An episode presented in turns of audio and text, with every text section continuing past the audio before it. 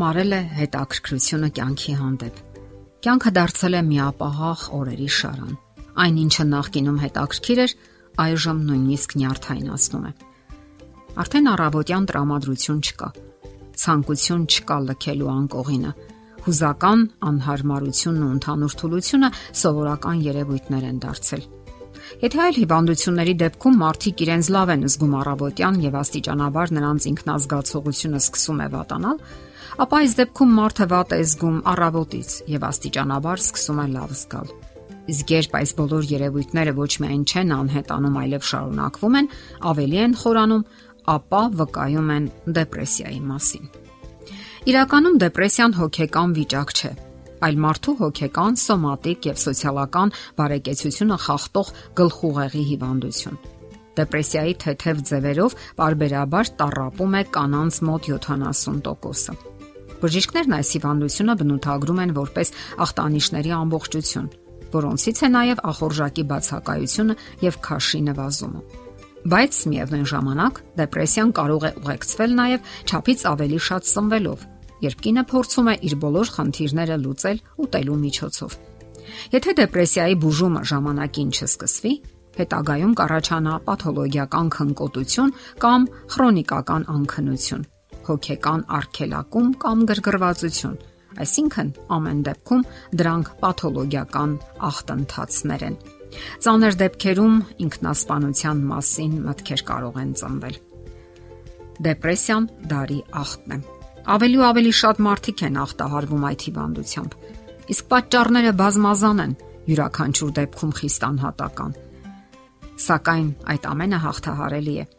կան խորհուրդներ, որ կօգնեն արթնացնելու կյանքի հանդեպ մարած հետաքրքրությունը, եւ դուք կարող եք հաղթահարել դեպրեսիվ տրամադրությունը։ Կարևոր է օրվա խիստ կարգու կանոնը։ Կանոնավոր հետևեք ձեր օրվա ռեժիմին։ Այս դեպքում ձեր կենտրոնական նյարդային համակարգը վերականգնվում է եւ դուք ավելի կանոնավոր կյանքով եք ապրում։ Մի եղեք անտարբեր, անհոգ ու անփույթ։ Անտարբերությունը մեծացնում է հուզական դիսկոմֆորտը։ Կանոնավոր ֆիզիկական վարժությունները կարևոր եւ ուժեղ միջոց են դեպրեսիայի դեմ։ Օրական գոնե 30 րոպե հատկացրեք վարժություններին։ Դա կարող է լինել արագ քայլքը կամ 20-ից 25 րոպե առողջարարական վազքը։ Կարող եք նաև պարզապես վարժություններ անել։ Այդ մարզումները գնահատեք որպես դեղահաբեր, որոնք ճունեն կողմնակի ազդեցություն եւ ընդ որում ցնցող արդյունք են տալիս։ Հենց որ զգում եք հուզական դիսկոմֆորտի առաջին նշանները, անմիջապես որևէ աշխատանքով զբաղվեք կամ սկսեք վարժություններ անել։ Զբաղվեք այնքան, մինչև հաճելի հոգնություն զգաք։ Դա կօգնի ձեզ դուրս գալու դեպրեսիայից։ Կարևոր է նաև ճիշտ սննդակարգը։ Առավել նախընտրելի սննդակարգը դեպրեսիայի ժամանակ համարվում է բուսակերությունը, ազատ շաքարից եւ ճարպերի ցածր պարունակությամբ Սակայն սննդակարգի մեջ անհրաժեշտ է ներառել կենսականորեն անհրաժեշտ մթերքների մի քանի խումբ՝ մրգեր եւ բանջարեղեն, հատիկեղեն, ընկուզեղեն, սերմեր ու լոբազգիներ։ Կարևոր է սննդի ընդունման խիստ ռեժիմ, առանց արանքներում որևէ բան ծամելու։ Բացառվում է նույնիսկ մի քանի հատիկը կամ մի փոքրիկ խնձորը։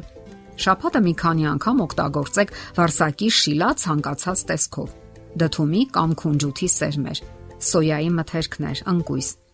Հետևեք ձեր աղիների աշխատանքին։ Այն պետք է դատարկվի օրական առնվազն 1 անգամ։ Բացառեք այն մթերքները, որոնք կոֆեին են պարունակում։ Սուրճ, թեյ, շոկոլադ, կոլայի շարքի իմպելիքներ։ Կտրականապես բացառեք անգամ 1 գրամ ալկոհոլը։ Նա ինքն արդեն կարող է դեպրեսիա առաջացնել։ Մոռացեք նաև ծխախոտի մասին լիովին բացառեք այն սննդամթերքները, որոնք ալերգիա են առաջացնում։ Եթե դուք չեք օգտագործում ոչ մի տեսակի կենթանական սննդամթերքներ, անպայման հսկեք օրգանիզմի մեջ վիտամին B12-ի պարունակությունը։ Այդ վիտամինը շատ դրական ազդեցություն է գործում նյարդային համակարգի աշխատանքի վրա։ Կարևոր է նաև լուսաբուժությունը։ Ձեր օրը ծրագրավորեք այնպես, որ օրական 1 ժամ հատկացնեք թարմ օդում ֆիզիկական աշխատանքին Արևի լույսը նվազեցնում է դեպրեսիայի դրսևորումները։ Հիդրոթերապիա կամ ջրաբուժություն։ Սա եւս շատ կարևոր է։ Ընդհանուր ջրային լոգանքները 42-ից 43 աստիճանի ջրով կարող են զգալիորեն բարելավել հիվանդների վիճակը։ Ամեն օր լոգանք ընդունեք 30 րոպե։ 5 օր անընդմեջ, ապա 2 օր ընդմիջում տվեք եւ կրկնեք 5 օրյա կուրսը։ Այդպես կրկնեք 2-ից 3 անգամ։ Իսկ ընդհանրապես հարկավոր է երանդուն կյանք վարել։ Շփվել, այս կամ այն միջոցառումներին մասնակցել, մարդկանց հետ հանդարտ ու ճիշտ հարաբերություններ պահպանել, դրանք բոլորը կբարելավեն ձեր ընդհանուր վիճակը։ Հարկավոր է նաև ողրզել, թե ինչն է ձեր դեպրեսիայի պատճառը Դա կարող է լինել մարդու սոցիալական վիճակը, ընտանեկան պայմանները, տևական լարված հարաբերությունները, ծանրաբեռնվածությունները, անհույս իրավիճակները եւ այլն։ Բոլոր դեպքերում շատ կարևոր է սեփական ներաշխարը հասկանալը։ Սեփական անլիարժեքության զգացումները, տարիքի հետ կապված իրեն անկարևոր զգալը եւ այլն նույնպես կարող են անհանգիստ վիճակների, սթրեսի եւ ի վերջո դեպրեսիայի առիթ հանդիսանալ։ Նաև անընդհատ փորձեք մարդկանց հետ լինել։ Մի պարփակվեք ձեր մեջ։ Եթե նույնիսկ ինչ-որ հիմնախնդիրներ ունեք, կիսվեք հարազատ մարդկանց հետ եւ նրանց համար ինչ-որ բան արեք։ Միայն ձեր մասին մի մտածեք, որովհետեւ դուք չեք աշխարհի կենտրոնը եւ ընդ որում աշխարհն էլ ձեր ճշնամին չէ։ Միայն լավը մտածեք մարդկանց մասին։ Նրանց համար անշահախնդիր ինչ-որ բան արեք եւ մեծ բավականություն կզգաք։ Շփվեք դրական այլ ոչ բացասական մարդկանց հետ եւ ինքներդ եղեք դրական անznավորություն։ Ահա թե երբ դեպրեսիան հերու կփախչի ձեզանից։ Մեր հաղորդումն ավարտենք ավստրիացի հոկեբան, հոկեբույժ եւ նյարդաբան, հոկեվերլուծության հիմնադիր Զիգմունդ Ֆրոյդի խոսքերով, որոնք գուցե օգնեն ձեզ։ Դեպրեսիան թուլության նշան չէ։